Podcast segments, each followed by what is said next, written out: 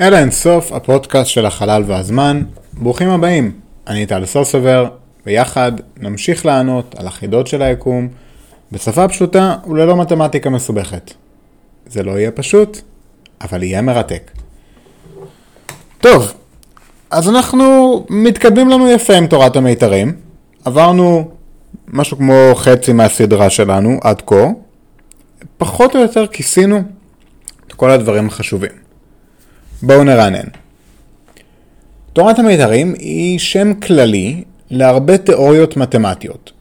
במהות שלהן הן מתארות את הטבע, על כל ארבעת חוקיו והמוני חלקיקיו, כמיתרים קטנים מאוד מאוד, שרוטטים במימדים שאנחנו לא מסוגלים לתפוס ביום יום שלנו. אמרנו שיש הרבה גרסאות לתורת המיתרים. אין תורת מיתרים שלמה שאפשר להדפיס אותה על טישרט. ובאופן כללי, המתמטיקה של תורת המיתרים היא הרבה מעבר למה שלומדים בתיכון. וקשה בכלל להסביר את המתמטיקה מרוב שהיא גם מסובכת מצד אחד, אבל גם אבסטרקטית מהצד השני.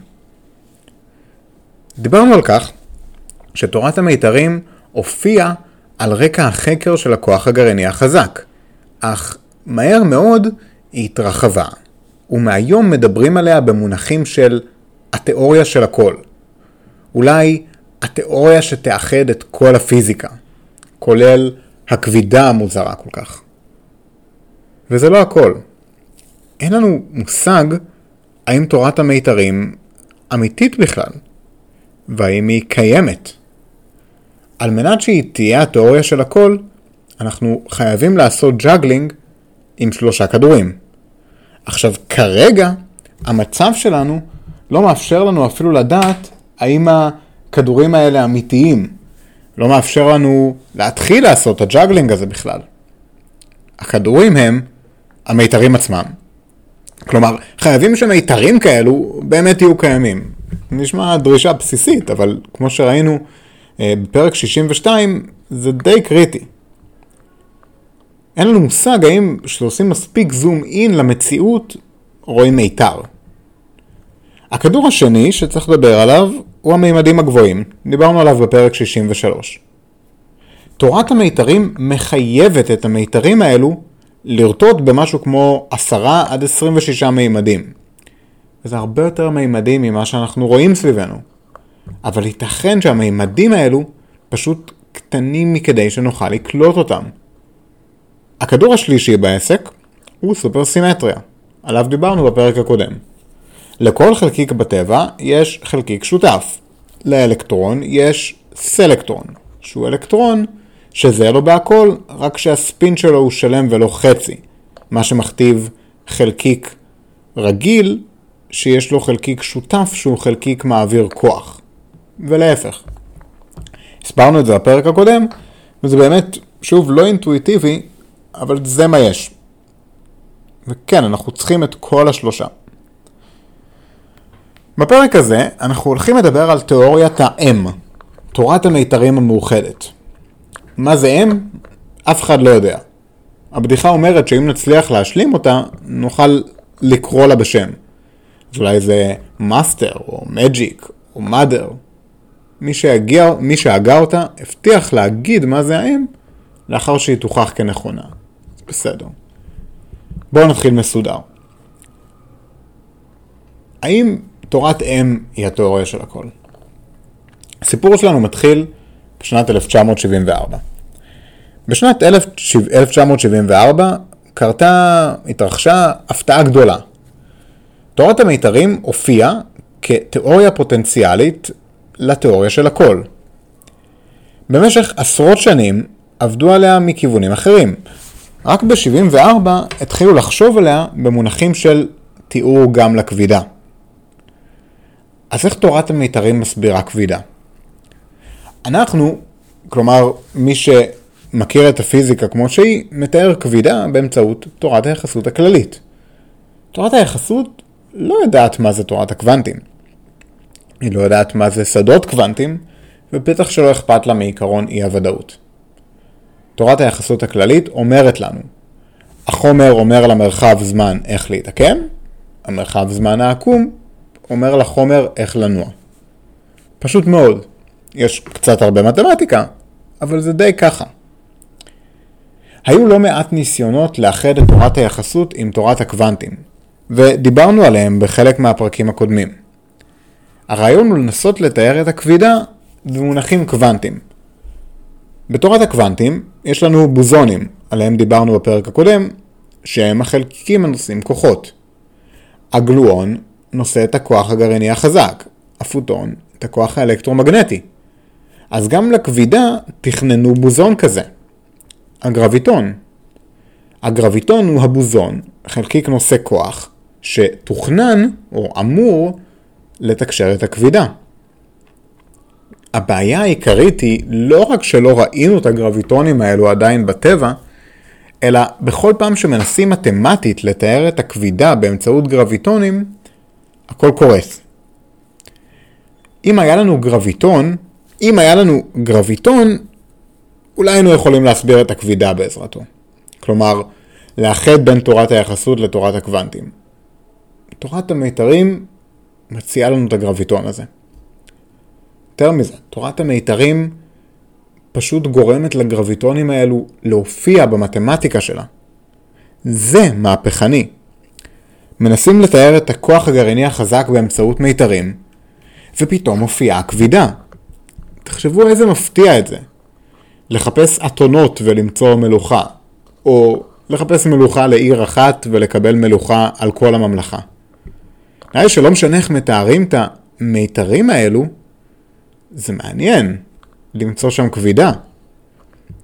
יותר מזה, תורת המיתרים מנבאת כבידה. תורת המיתרים מייצרת כבידה באופן טבעי. היא מצליחה לייצר באופן טבעי את כל הכוחות, ואפילו את כל החלקיקים שבטבע באופן טבעי. אנחנו לא צריכים להכניס הנחות מסוימות מעבר לתיאור המימדים הנוספים, ובהנחה שיש סופר סימטריה ויש מימדים, הכל פשוט עולה מהמתמטיקה. זה מעניין. אפילו אם אין פתרון מלא של תורת המיתרים עדיין, אפילו אם אין לנו משוואה אחת של תורת המיתרים, אפשר להבין למה זה די מעניין. אתם יכולים להבין שעלינו פה על משהו. לא יכול להיות שתורה מתמטית באופן מקרי תייצר את הכל. אז מה קורה פה? אנחנו לא יודעים. בואו נתקדם עם הזמן. בשנות ה-80 התחילו לדבר על תיאוריית העל-מיתר, שהיא שילוב של תורת המיתרים וסופרסימטריה. רק בשנות ה-90 התחילו לקחת כיוון קצת אחר. אז שימו לב, בין שנת 74 לשנות ה-90, 20 שנה עבדו על המתמטיקה עד שהצליחו להבין את הכיוון אליו כדאי ללכת. תורת המיתרים היא לא פשוטה. לעבוד על תרגילים מתמטיים 20 שנה? 20 דקות נראה לי המון. אז אנחנו באמצע שנות ה-90, ועדיין אין תוצאות. אין תורת מיתרים. אין תיאוריה מלאה לפחות. עכשיו, שתבינו, תורת המיתרים היא עצומה. יש המון דברים לחקור ולבדוק, ואין שום דבר שאפשר ממש לעשות ניסוי אמפירי. אין תובנות שעולות מהמתמטיקה לגבי היקום שלנו. יש תובנות חדשות על המיתרים. תורת המיתרים מייצרת דברים מעניינים על תורת המיתרים, אבל לא על היקום.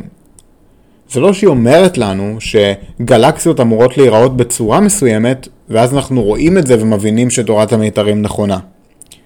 היא גם לא אומרת לנו שום דבר על כלום. גם לא אומרת לנו דברים שאנחנו כן יודעים. אנחנו לא מצליחים להרים את הראש מהמיתרים. הכל עדיין נע סביב קירובים והמון מתמטיקה. עכשיו, המשוואות האלה כל כך מסובכות, שכמו שאמרתי כבר כמה פעמים בפרקים האלה, אי אפשר להדפיס אותן על חולצה. כמו תורת היחסות הפרטית, או הכללית, או הכוח האלקטרומגנטי. אפילו תורת הקוונטים, שהיא כל כך מסובכת, אין שום בעיה בצבאות שלה. תורת המיתרים, התשובה היא לא. כאן מתחילה הבעיה. הבעיה מתחילה עם זה שאין לנו תורת מיתרים. פשוט לא. יש לנו כל מיני הנחות וקירובים ומשוואות שיחד יוצרים המון בלגן שאין עליו הסכמה. ההסכמה היחידה שיש לנו היום היא על כך שלכל הפחות יש חמש תורות מיתרים. יש לנו חמישה תיאורים שונים של הטבע באמצעות תורת המיתרים. אנחנו לא יודעים מי מהן היא הנכונה, וזו די בעיה. איפה הבעיה נעוצה בעצם? מה שחשוב להבין הוא שהבעיה נעוצה בסופרסימטריה. אמנם, הסופרסימטריה מאפשרת לתורת המיתרים להיות התיאוריה של הכל, כי לכל בוזון יש פרמיון. אנחנו לא יודעים בדיוק איך הסופרסימטריה הזו נראית, כי יש כל כך הרבה אפשרויות שונות לסידור של המימדים, ובסוף יש לנו אפשרויות שונות לתורות מיתרים שונות. אם ככה, אנחנו לא יודעים מהי סופרסימטריה, והאם היא קיימת, ואנחנו לא יודעים איך היא מתנהגת, אפילו אם היא קיימת. אם נדע את זה, אולי נדע משהו יותר ממוקד על תורת המיתרים. אז בואו נתחיל מהחמש האלו. בחלק מה, מהתיאוריות האלו המיתרים פתוחים. בחלקן המיתרים יכולים לעבור בכיוונים מסוימים. כמות המימדים שונה, ויכולים להיות כל מיני הבדלים. בואו נציג אותם. יש לנו מיתרים מטיפוס 1, טיפוס A2, טיפוס B2, מוכלאים O ומוכלאים E.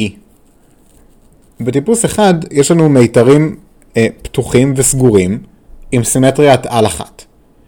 בסימטריית A2, בטיפוס A2, סליחה, המיתרים צמודים לממברנות, כלומר מימדים, מיתרים דו-מימדיים, שהממברנות האלה יכולות להיות בעלות מימדים רבים, אבל בקבוצות של 2, A זוגי, 1, 3, 5, 7, 9 מימדים. ב-A2 אין מיתרים סגורים. וגם יש לנו שם שני סוגים של סימטריית על. טיפוס B2 היא קצת כמו A2, רק שהמימדים מקבלים 2, 4, 6, 8 מימדים. מוכלאים O ו-E הם סביב מיתרים סגורים עם סימטריית על אחת. עכשיו תראו, ממש לא חשוב לדעת את כל הפרמטרים האלו. אני רק רוצה שתקבלו מושג על מה ההבדלים ביניהם. ההבדלים בין התיאוריות השונות הם על סוג הסופרסימטריה, או כמה סופרסימטריה יש, והם על איך המיתרים נראים, והאם הם פתוחים או סגורים, וכמה מימדים יש למיתרים האלה לרטוט בהם, ואם המימדים האלה הם זוגיים או אי זוגיים. אלה בדיוק של... שלושת כדורי ה juggling, כן?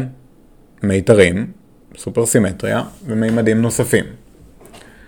בסוף היום, מה שיש לנו זה מיתרים קטנים מאוד, שרוטטים בצורות מסוימות מאוד, וככה יוצרים את כל הבוזונים והפרמיונים שיש בעולם שלנו. יש מימדים נוספים, אבל הם קטנים, ואיך שהם, ו- ואיך שהם נראים, בזמן שהמיתרים רוטטים בהם, מכתיב לנו את התמונה של המציאות שלנו. יש לנו כאמור חמש גישות לתורת המיתרים, וכל אחת מהן בסוף טוענת שהאחרות הן שקרניות. נראה על פניו שהן לא חיות ביחד. או שיש סופר סימטריה אחת, או שיש שתיים. או שהמיתרים סגורים, או שהם פתוחים. בשנות ה-90 אנשים התחילו להרים ידיים.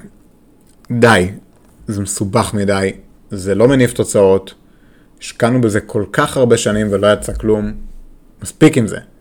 אין תוצאות, אין ניסויים שאפשר אפילו לעשות. למה להשקיע בזה כל כך הרבה זמן ומשאבים ומאמצים? ואז מופיע אדוארד וויטן. אדוארד וויטן הוא סופר גאון. אחד הפיזיקאים הגדולים של תורנו, מאוניברסיטת פרינסטון. הוא העלה את הרעיון הבא. אולי כל חמש התיאוריות נכונות. במקום לריב, בואו ננסה לראות האם לחמש התיאוריות יש בסיס, יש תיאוריה אחת. תיאוריה אחת לשלוט בכל.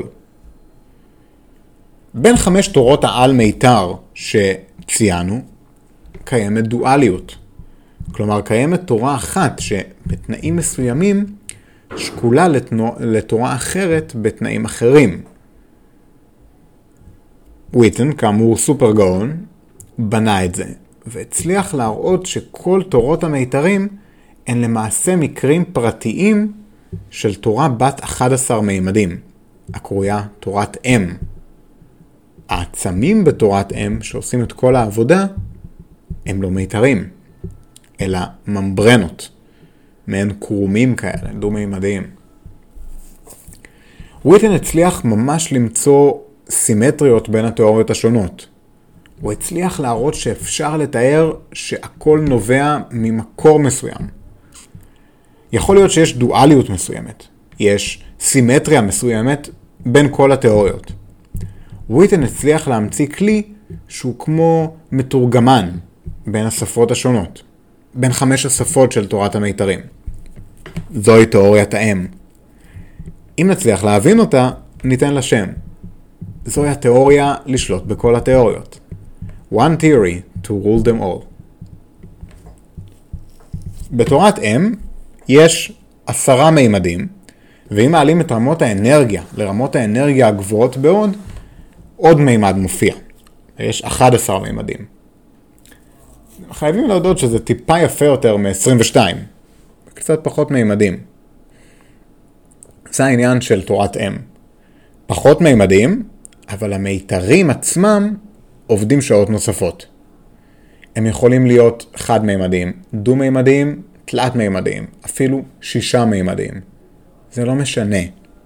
המיתרים האלו יכולים להיות צורות קטנות מאוד, מוזרות מאוד, חיות במימדים שונים, לרטוט בכל מיני צורות, ובסוף, מתוך המתמטיקה של התיאורים המוזרים האלו של המיתרים, יש לנו את היקום כולו. זו תהיה התיאוריה של הכל. אז עכשיו אנחנו נמצאים בסוף שנות ה-90, בריין גרין כותב את הספר היקום האלגנטי, ואני לא יודע אם קראתם אותו, המלצתי עליו גם בתחילת הסדרה, בהחלט שווה קריאה גם אחרי 20 שנה. הייתה תחושה בסוף שנות ה-90 שהנה התיאוריה של הכל נמצאת מעבר לפינה. הנה הנה, תורת אם תהיה התיאוריה של הכל. אבל עברו 20 שנה. 20 שנה ואין לנו עדיין את תורת אם. יש לנו רעיון, אין לנו הוכחות. אנחנו חושבים שתורת אם היא המקור של הכל. אבל זהו. זה מסובך, זה, זה מסובך מאוד, כי בתורת אם יש מיתרים שחיים בהרבה מימדים, שרוטטים במימדים אחרים. זה ממש ממש לא פשוט בכלל להתעסק עם זה. אין לנו ניסוי שיכול לבדוק את זה. אין, אין ניסוי ישיר שיכול להגיד האם התיאוריה נכונה או לא. וזה מתיש. אנחנו חוזרים לאותה נקודה, זה מתיש. תראו, אני עכשיו הולך להציג בפניכם כדי שתבינו כמה מתיש העסק הזה. אני הולך להציג לכם רשימה של כל הניסויים שבוצעו עד כה על תורת המיתרים. זהו, לא בוצע אף ניסוי. אין לנו שום אפשרות לתכנן ניסוי לתורת המיתרים. אחד, כי אין לנו מספיק אנרגיה על מנת ליצור עוצמת התנגשות בין חלקיקים שתייצר את הכבידה הקוונטית או משהו שאפשר יהיה לראות. ושתיים, כי אין לנו תורת מיתרים. אין לנו תיאוריה מאוחדת שאפשר לבדוק בכלל. אז מה נעשה? הדבר העיקרי שאנחנו יכולים לבדוק מבין שלושת הכדורים שלנו מימדים נוספים, בעייתי, הם קטנים מדי. מיתרים, שוב, קטנים מדי. אין לנו איך להגיע אליהם. סופר סימטריה, סופר סימטריה אמורה להתקיים. אולי את זה נוכל לבדוק איכשהו? זו תהיה התחלה טובה לכל העסק הזה. זה באמת מה שעושים היום. דיברנו על זה קצת בפרק הקודם. מנסים למצוא את החלקיקים הסופר סימטריים האלו גם היום. זה מצריך המון אנרגיה. עושים את זה לדוגמה בסרן, במאיץ החלקיקים. אחרי המון עבודה שם והמון אנרגיה, תרתי משמע, עדיין לא הצליחו למצוא אפילו חלקיק סופר סימטרי אחד. אם יש בטבע סופר סימטריה, אז אין לה סופר סימטריה פשוטה. זה לא טוב כל כך.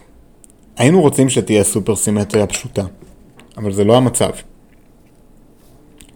אם באמת יש סופר סימטריה, אנחנו צריכים להגיע לחלקיקים עם מסה גבוהה שאנחנו לא יכולים לראות במאיצי החלקיקים שלנו. זה אומר שכל התיאוריה של הסופרסימטריה הפשוטה לא עובדת.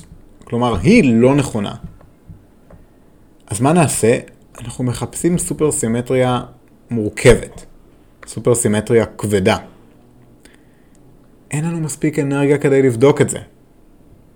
אבל ליקום יש. ליקום יש.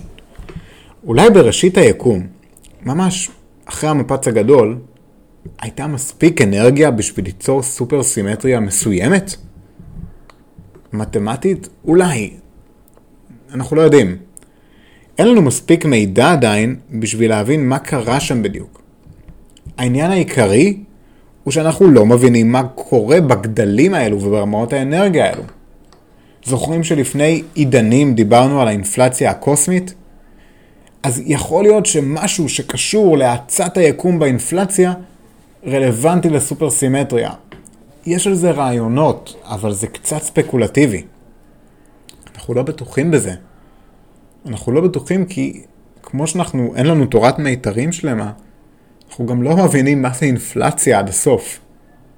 אבל זה יכול להיות. זה יכול להיות. בכל מקרה, בלי סופר סימטריה אי אפשר להתחיל עדיין. היה, הייתה תקווה גדולה שסרן, המאיץ חלקיקים, ימצא משהו. אבל לא מצאנו כלום. ולכן השאלה הגדולה הבאה היא, האם יש משהו בתורת המיתרים שכן אפשר לראות איכשהו? מה לגבי כל המימדים הנוספים? תראו, דיברנו על זה קודם. יש המון צירופים אפשריים של מימדים. 10 בחזקת המון אפשרויות. זה מספר כל כך גדול שקשה לתאר אותו בכלל. יש לנו אוסף של רעיונות סביב תורת המיתרים. יש 10 בחזקת 100 או 200 אלף אפשרויות. האם יש צירוף מימדים מסוים מתוך כל האפשרויות שהמתמטיקה של תורת המיתרים העדיפה? נגיד, האם אנחנו, אם אנחנו נראה שהמתמטיקה של תורת המיתרים רוצה יקום מסוים, וזה היקום בו אנחנו חיים, זה די טוב. אבל האמת היא שלא. לא. נראה שיש הסתברות קלושה לכל אחד מהמימדים להופיע, כל אחד מהצירופי מימדים. על כן, ייתכן שכולם חי... קיימים. לכל הפחות מדובר על 10 בחזקת 500 יקומים מקבילים, שבכל אחד מהם יש סידור אחר של המימדים. כל שינוי בסידור הזה היה גורם ליקום להיות שונה מאיך שאנחנו מכירים אותו. אלקטרון כבד יותר, כוח חלש חלש יותר או חזק יותר. ואז אנחנו חוזרים לפילוסופיה. אולי יקום פשוט כמו שהוא, כי אם הוא לא היה ככה, אנחנו לא היינו פה בשביל לשאול את זה. אני, אני לא אוהב את התשובה הזאת, אבל נראה שזה הסיכום הכי טוב בינתיים של הניסיונות להפוך את תורת המיתרים לתיאוריה של הכל. אוקיי חברים, בואו נסכם את הפרק. היום דיברנו על תורת אם, האימא של כל התיאוריות, תורת המג'יק או המאסטר, שאין לנו שם בשבילה, כי אין לנו עדיין תורת אם מושלמת, וכי עוד לא הוכחנו אותה. הרעיון של תורת אם היה לקחת את המשבר שהיה בשנות התשעים סביב חקר המיתרים, ובא אדוארד וויטן, סופר גאון, שהצליח לאחד אותם סביב תיאוריה מתמטית של תורת האם. בתורת האם, שזה כנראה התיאור הכי טוב של תורת המיתרים שיש לנו, הדבר הבסיסי ביותר הוא לא מיתרים, או יותר נכון להגיד, לא מיתרים חד-מימדיים, אלא הם יכולים לקבל כל מיני צירופי מימדים. כתוצאה מזה, אנחנו לא צריכים מיתר שירטוט בהרבה מימדים. אז כמות המימדים בטבע יורדת ל-10 או 11, תלוי ברמת האנרגיה. זה הרעיון הכללי של תורת אם. היופי בה הוא שהיא מצליחה לאחד את יתר תורות המיתרים. הבעיה שלה היא אותה בעיה שיש לכל תורת המיתרים. אחד, היא לא שלמה עדיין, ושתיים, אין לנו שום דרך להוכיח אותה. הדבר הכי קרוב ללהוכיח היה סופר סימטריה. ואם יש סופר סימטריה, זה לא סופר סימטריה פשוטה. ואתם יודעים מה? זה לא חדשות טובות. כי היינו רוצים סופר סימטריה פשוטה. סופר סימטריה מורכבת זה טוב, זה, זה מורכב יותר. אפילו יותר מזה. אנחנו צריכים צירוף מאוד מסוים של מימדים נוספים. וזה חלק מהבעיה פה. חלק מרכזי מהבעיה פה. יש כל כך הרבה אפשרויות לצירופים של מימדים, שאין שום סיבה למה לקבל אחד בדיוק שהוא היקום שלנו. מה זה, מזל? שאולי יש אין ספור יקומים מקבילים? אנחנו לא יודעים, אנחנו לא יודעים. זה מסובך ומעניין ולא ברור. בפרק הבא ננסה להבין האם תורת המיתרים היא יכולה לתאר את המציאות שלנו איכשהו. זה קצת המשך של הפרק הזה. האם היא רק יפה, או שאפשר לבחון אותה איכשהו? רמז, היא עדיין לא התיאוריה של הכל. תודה רבה רבה לכם על ההקשבה. הפודקאסטים של אלה אינסוף הם יוזמה שלי להנגשת חקר המיתרים, תורת המיתרים, לכולם ולכולן, ללא הבדל גיל, ידע מתמטי, או בכמה מימדים אתם חיים. סקרנות שייכת לכולנו. אני תמיד שמח לשמוע משוב ולקבל פידבק על הפרקים, וכן לקבל ולענות על שאלות שלכם. בפרטי הבנות של הפרק יש לכם את הפרטים ליצירת קשר וקישור לעמוד הפייסבוק שלנו בשם אל האינסוף. הפודקאסטים האלו זמינים עבורכם בכל אתרי הפודקאסטים, Apple Podcast, Google Podcast, אפליקציה של עושים היסטוריה, Spotify, Castbox, כל מקום בו אתם שומעים פודקאסטים. כל פרק לוקח כמה עשרות שעות של עבודת מחקר, הכנה, הקלטה ועריכה. הפודקאסטים האלו מונגשים לכם בחינם, ומתוך מטרה אישית שלי להביא את חקר תורת המיתרים, קוסמולוגיה, פיזיקה, היקום כולו, עד לאוזניים שלכם. אם אהבתם את הפרק, בבקשה שתפו אותו עם אימא שלכם. בכל זאת, תורת אם. שתפו עם חברים, שתפו עם ידידים, שתפו עם משפחה, שתפו עם כמה שיותר, ושוב, תודה, תודה, תודה על ההקשבה, ועד הפעם הבאה, שלכם, טל.